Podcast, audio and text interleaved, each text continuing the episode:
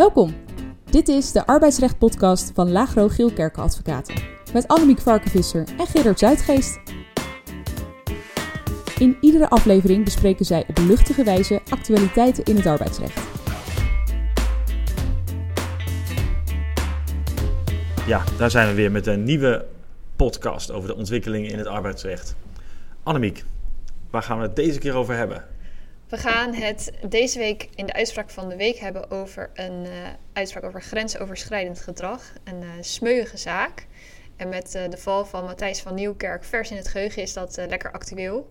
En je ziet dat, dat, dat ja, grensoverschrijdend gedrag een onderwerp is dat elke week wel weer terugkomt in de rechtspraak. Ja, ja, ja. Dus het lijkt wel echt een cultuuromslag gaande en werkgevers die treden, treden hard op. Ja, nou smeuig, smeuige zaak zeker, daar komen we mm. straks op. Maar dan vooral voor de buitenstaanders. Want voor betrokkenen zal de gang naar de rechter niet altijd, denk ik, heel fijn hebben gevoeld. Nee. Maar dat voor straks. Eerst maar naar de nieuwsflash. Wat moet je weten? De nieuwsflash. Ja, Annemiek, wat voor jou op in de achterliggende periode? Nou, ik begin met een wat technische uitspraak van de Hoge Raad. Die is niet per se voor alle werkgevers relevant. Maar ik zelf vind hem wel heel leuk, want het, is, uh, het gaat precies over een onderwerp waar ik uh, laatst okay. een zaak over heb gehad. Okay. Het gaat over slapende dienstverbanden. En dat is de term voor een dienstverband waarbij de werknemer ziek is, maar de 104 weken loondoorbetaling is verstreken. Ja. Dus bij een slapend dienstverband, daarom heet het ook slapend, wordt niet meer gewerkt en er wordt ook geen salaris meer betaald. Nee, le lege huls. Precies. Ja, en ik denk dat bekend is dat een werkgever tegenwoordig verplicht is om in te gaan op het verzoek van een werknemer om zo'n slapend dienstverband te beëindigen onder toekenning van de transitievergoeding. Mhm. Uh, die verplichting wordt wel de Xella-verplichting genoemd, naar het Xella-arrest van de Hoge Raad, waarin dat uh, uh, is bepaald. En de transitievergoeding wordt dan gecompenseerd door het UWV op grond van de wettelijke compensatieregeling. Ja. ja, inderdaad. Die compensatie wordt dan door het UWV berekend, uitgaande van het moment waarop de 104 weken loonbetaling eindigde. En de Hoge Raad bepaalde ook dat een werkgever naar aanleiding van zo'n verzoek van de werknemer niet meer eh, transitievergoeding behoeft te betalen dan die zou hebben gegolden nou precies 104 weken. Mm-hmm. Overigens, om het, om het nog wat technischer te maken, moet de werkgever wel de transitievergoeding berekend tot de einddatum van de arbeidsovereenkomst betalen als die arbeidsovereenkomst eindigt na opzegging door de werkgever. Hè, nadat de werkgever toestemming heeft gekregen voor het, van het UWV om een werknemer uh, arbeidsovereenkomst op te zeggen. En, en, soms bestaat bij een werkgever de angst dat de werknemer na twee jaar ziekte mogelijk nog veel, uh, op een veel later moment alsnog beter wordt en zich dan weer mm. bij de poort meldt. En dan gaat zo'n werkgever toch maar een ontslagtraject opstarten. Met dan als consequentie dat er een iets hogere transitievergoeding wordt betaald. Die dan niet helemaal door de, uh, het UWV wordt gecompenseerd. Maar in het overgrote deel van de gevallen uh, doet de werkgever aan het einde van die twee jaar of tegen het einde van die twee jaar het voorstel aan de werknemer. Joh, zullen we afrekenen op basis van die transitievergoeding berekend precies na die ja. 104 weken. En stemt de werknemer uh, daar vervolgens mee in. Ja, precies. En nu is er uh, duidelijkheid over welke verplichtingen er zijn, maar er waren veel vragen over wat er precies voor verplichtingen bij oudere zaken gold. Ja. En heel recent heeft de Hoge Raad dus een uitspraak over dit onderwerp gedaan. En dat was een zaak waarbij de werknemer al, al voor de Xella-uitspraak in 2019 en ook voor de invoering van de compensatieregeling in 2018 een verzoek aan zijn werkgever had gedaan om het slapend dienstverband te beëindigen onder toekenning van de transitievergoeding. En de werkgever had dat geweigerd. Wat in deze zaak uh, ja, een extra scherp randje geeft, is dat de werknemer snel na, het verzoek dus tot beëindiging met pensioen ging.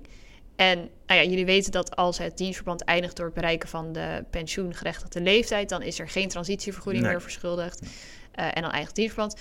En hier had de werknemer dus ook niks gekregen. Die had dus die transitievergoeding niet uh, gekregen. En hij vond dat onterecht, omdat al ruim voor de daadwerkelijke invoering van de compensatieregeling door de regering was gecommuniceerd dat uh, zo'n regeling in de lucht hing. Ja, ja, klopt. En de werknemer betoogde dat de werkgever, als die toen had meegewerkt, gewoon compensatie had gekregen van het UWV.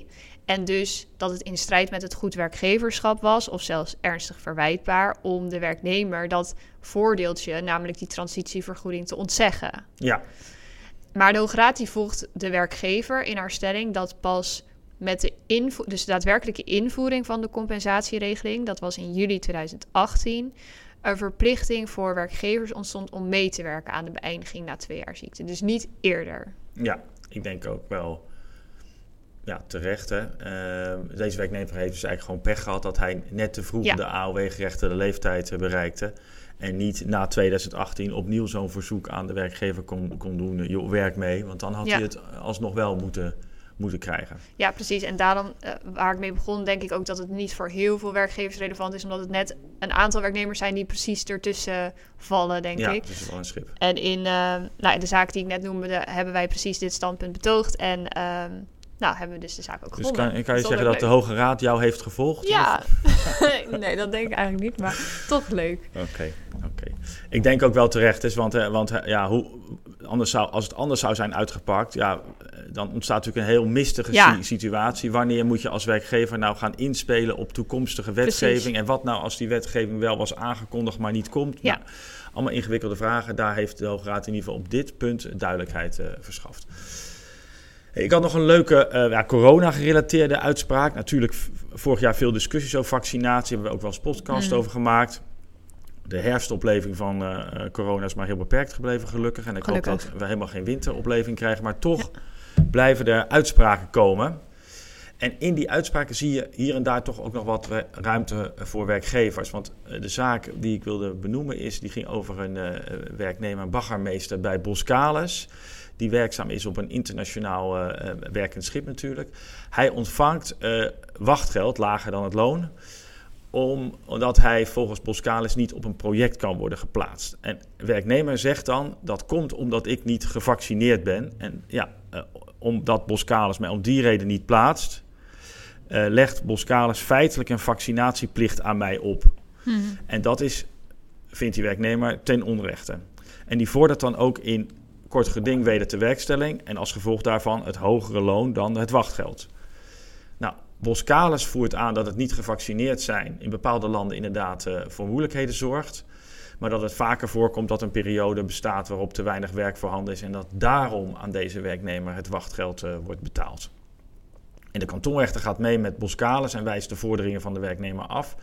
Eigenlijk omdat de kantonrechter gemakshalve zegt, zeg ik maar een beetje, dat er dan geen sprake is van een spoedeisend belang. Hè, want die werknemer Mhm. kreeg gewoon wachtgeld. En de zaak moet volgens de kantonrechter maar in de bodemprocedure worden uitgezocht. En dan kan worden bekeken of het inderdaad het ontbreken van het vaccin is dat de werknemer eh, eh, eh, buiten de poort houdt. En wat daar dan eventueel de consequenties voor zou, eh, voor zou, van zouden moeten zijn. Ja. Dus dat wordt nog vervolgd. Ja, dus je ziet dat inderdaad in sommige branches die vaccinaties nog steeds een belangrijke rol spelen. Zeker. Ja. Ik zag nog een, eh, voor de praktijk een andere interessante uitspraak. Gaat over iets heel anders. eh, van het Hof Arnhem-Leeuwarden. En dat ging over een werknemer die systematisch iedere vorm van kritiek op haar functioneren ontkende. En ja. zij deed haar werk op zichzelf niet slecht, maar werkgever vond dat eh, de werknemster heel slecht communiceerde en dat dat steeds tot problemen leidde. Ja, dat is wel iets wat we natuurlijk in de praktijk vaker zien. Hè? Dat Ja, werknemer het eigen functioneringsprobleem niet ziet en zegt, joh, maar ik doe mijn werk toch goed. Ja. Maar ja, werken is meer dan het alleen maar uitvoeren van je taken. precies. Ja, precies. En het, het goede nieuws voor deze werkgever was dat zowel de kantonrechter als het Hof vond dat er sprake eh, was van een ernstig verstoorde arbeidsverhouding door, eh, door het feit dat die werknemer constant discussieerde over de kritiek die ze kreeg, de schuldvraag telkens buiten zichzelf plaatste en heel defensief reageerde. Mhm. Eh, en op beide zittingen heeft zij ook volhard in het ontkennen dat er een functioneringsprobleem is. Eh, de werknemer die vond inderdaad wel dat er problemen waren, maar dat had niet met haar, eh, met haarzelf of met haar functioneren te maken. Nee, nee, dat is iets wat je natuurlijk nog wel eens tegenkomt, zoals ik al zei. Hè. En dan zie je dat als voldoende komt vast te staan dat een werknemer, ondanks voldoende gesprek en aandacht van de werkgever, niet inziet wat hij fout doet of wat er anders zou moeten en zich daar, zoals in dit geval, vierkant tegen verzet. Ja. Ja, dan is ook een ja, functionering of een verbetering van het functioneren niet, eh, niet reëel. Nee, precies. Dan is En, natuurlijk de vraag, ja, in hoeverre moet je dan nog een verbetertraject Ja. starten? ja, en dat vind ik ook het interessante aan deze uitspraak, is dat het Hof dan stelt dat er in het algemeen van de werkgever mag worden verwacht dat hij een werknemer begeleidt bij het verbeteren van het functioneren. Ehm, en onder omstandigheden op basis van een concreet verbeterplan. Maar dat dat hier niet hoefde, omdat de werknemer allerlei andere dingen had gedaan om de werknemer te be- begeleiden. Dus bijvoorbeeld door het voeren van eh, gesprekken en aansporingen om de communicatie te verbeteren. Ehm, en het Hof zegt dan dat in dat licht een apart verbeterplan overbodig zou zijn geweest. Ja, Ehm, en het Hof zegt ook dat de werkgever vrij is om het functioneren van de werknemer te bekritiseren. ja, ja. Zeker interessante uitspraak, omdat je toch vaak het beeld hebt dat een verbeterplan een absolute must is Mhm. voor een ontbinding op basis van dysfunctioneren. En dat hoeft dus in dit soort gevallen in ieder Nee. geval niet. Hè. Wel past er nog een kleine nuance dat er hier niet is ontbonden op de dysfunctioneringsgrond, maar op de verstoorde Ja. verhoudingengrond. Overigens zonder dat er een mediation traject was doorlopen. Maar het is zeker iets om in de praktijk mee te nemen. Hè. Als Ja. een werknemer niet inziet dat verbetering nodig is en zich daarop niet laat aanspreken, is het verstandig om dat goed vast te leggen. Want dat kan een hele belangrijke stap in het eh, ontslagtraject eh, zijn. Ja, zeker.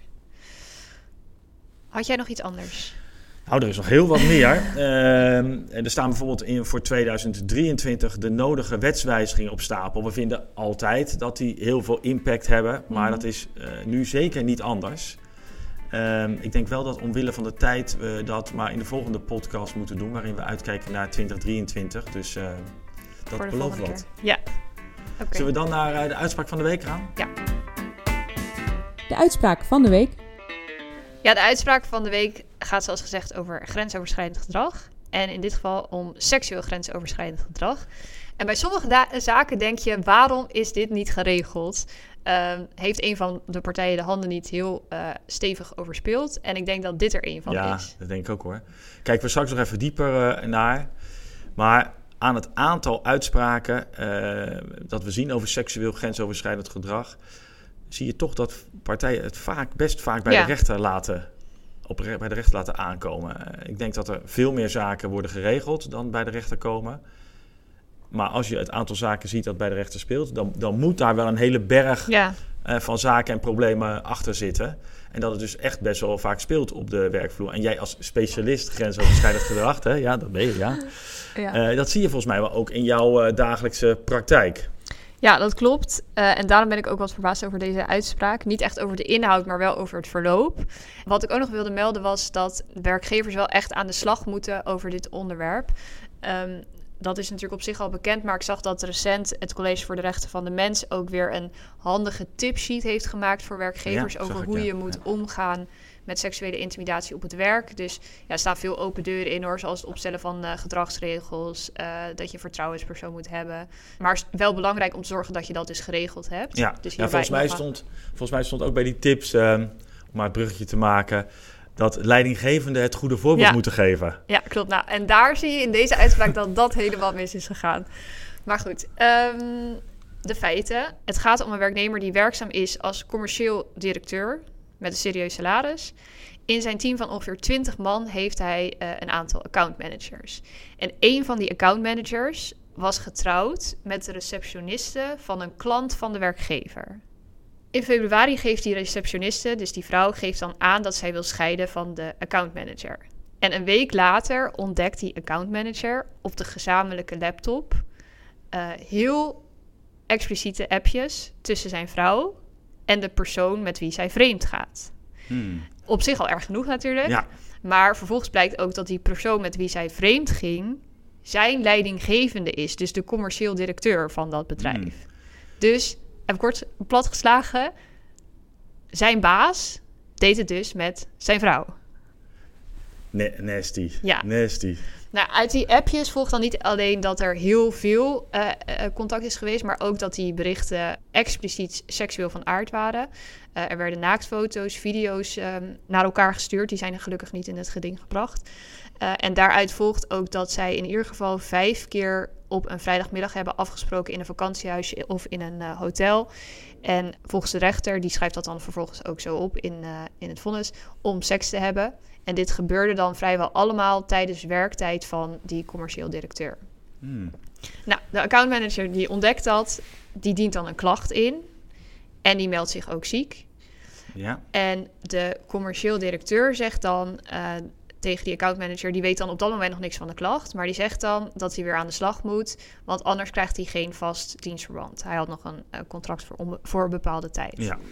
Nou, dan vindt er een gesprek plaats met de commercieel directeur. Die wordt geconfronteerd met de klacht en wordt dan op uh, non-actief gesteld. Partijen die gaan best wel lang nog met elkaar in gesprek over een regeling, maar die komen er niet uit. En daarom wordt er on ontwinningsverzoek op de E-grond ingediend. Ja, verwijtbaar handelen. Verwijtbaar handelen, ja. ja.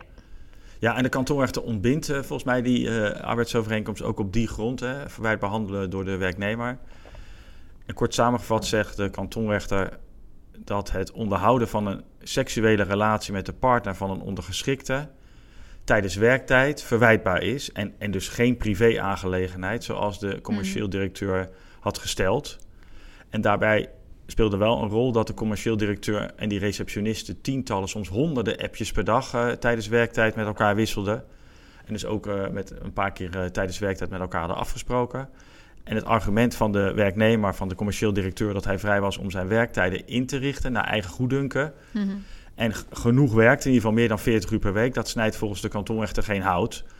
Omdat niet duidelijk is geworden dat hij genoeg tijd overhield om al die tijd die hij aan die receptionisten, de partner van zijn ondergeschikte, te besteden. Uh, dat, er, dat er nergens uit bleek dat hij die tijd uh, kon compenseren. En uh, gênant genoeg bleek uit de tijdstippen van de appjes ook dat dit uh, regelmatig gebeurde op tijdstippen dat de commercieel directeur volgens zijn eigen agenda klantbesprekingen voerde. Ja. Ja, en Hier gaat het om de vraag: is dit nou privé of ja. is dit za zakelijk? Ja, precies. Want op zich is een affaire natuurlijk in beginsel privé. Ja. Maar de kantonrechter zei, en ik vond dat eigenlijk wel heel scherp uh, opgeschreven, dat de werknemer er zelf een zakelijke aangelegenheid van heeft gemaakt door een affaire aan te gaan met de vrouw van een ondergeschikte die werkzaam is bij een klant. En dan vervolgens daar ook nog buitensporig veel tijd tijdens werktijd en met zijn zakelijke telefoon uh, aan heeft besteed. Ja, ja. En wat ik opmerkelijk vind, en daar begonnen we natuurlijk eigenlijk ook al mee, is dat deze werknemer totaal niet lijkt in te zien dat zijn gedrag ongepast was. Hij heeft in eerste instantie ook hard ontkend een affaire te hebben gehad. Maar pas nadat hij het bewijs is, alle appjes uh, voor zijn neus kreeg, toen heeft hij bekend. En daarna is hij steeds vol blijven houden dat het een privé-aangelegenheid was. Uh, dat het geen effect had gehad op zijn werk. En in de procedure heeft hij ook een billijke vergoeding van maar liefst 2,5 miljoen gevraagd. Ja. Dat zegt ook wel wat. Zeker. En dat gebrek aan reflectie neemt de kantonrechter hem ook fors kwalijk. Uh, de werknemer krijgt geen enkele vergoeding, ook geen transitievergoeding, omdat zijn gedrag uh, volgens de kantonrechter ernstig verwijtbaar is. Ja, en dat zit dan met name erin dat, dat, die, dat die verhouding, het werkveld is ingetrokken. Ja. ja.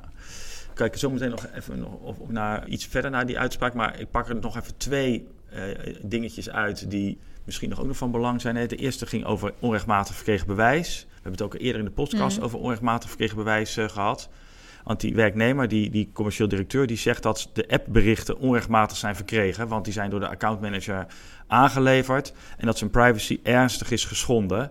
Nu die berichten bij de kantonrechter allemaal zijn overgelegd.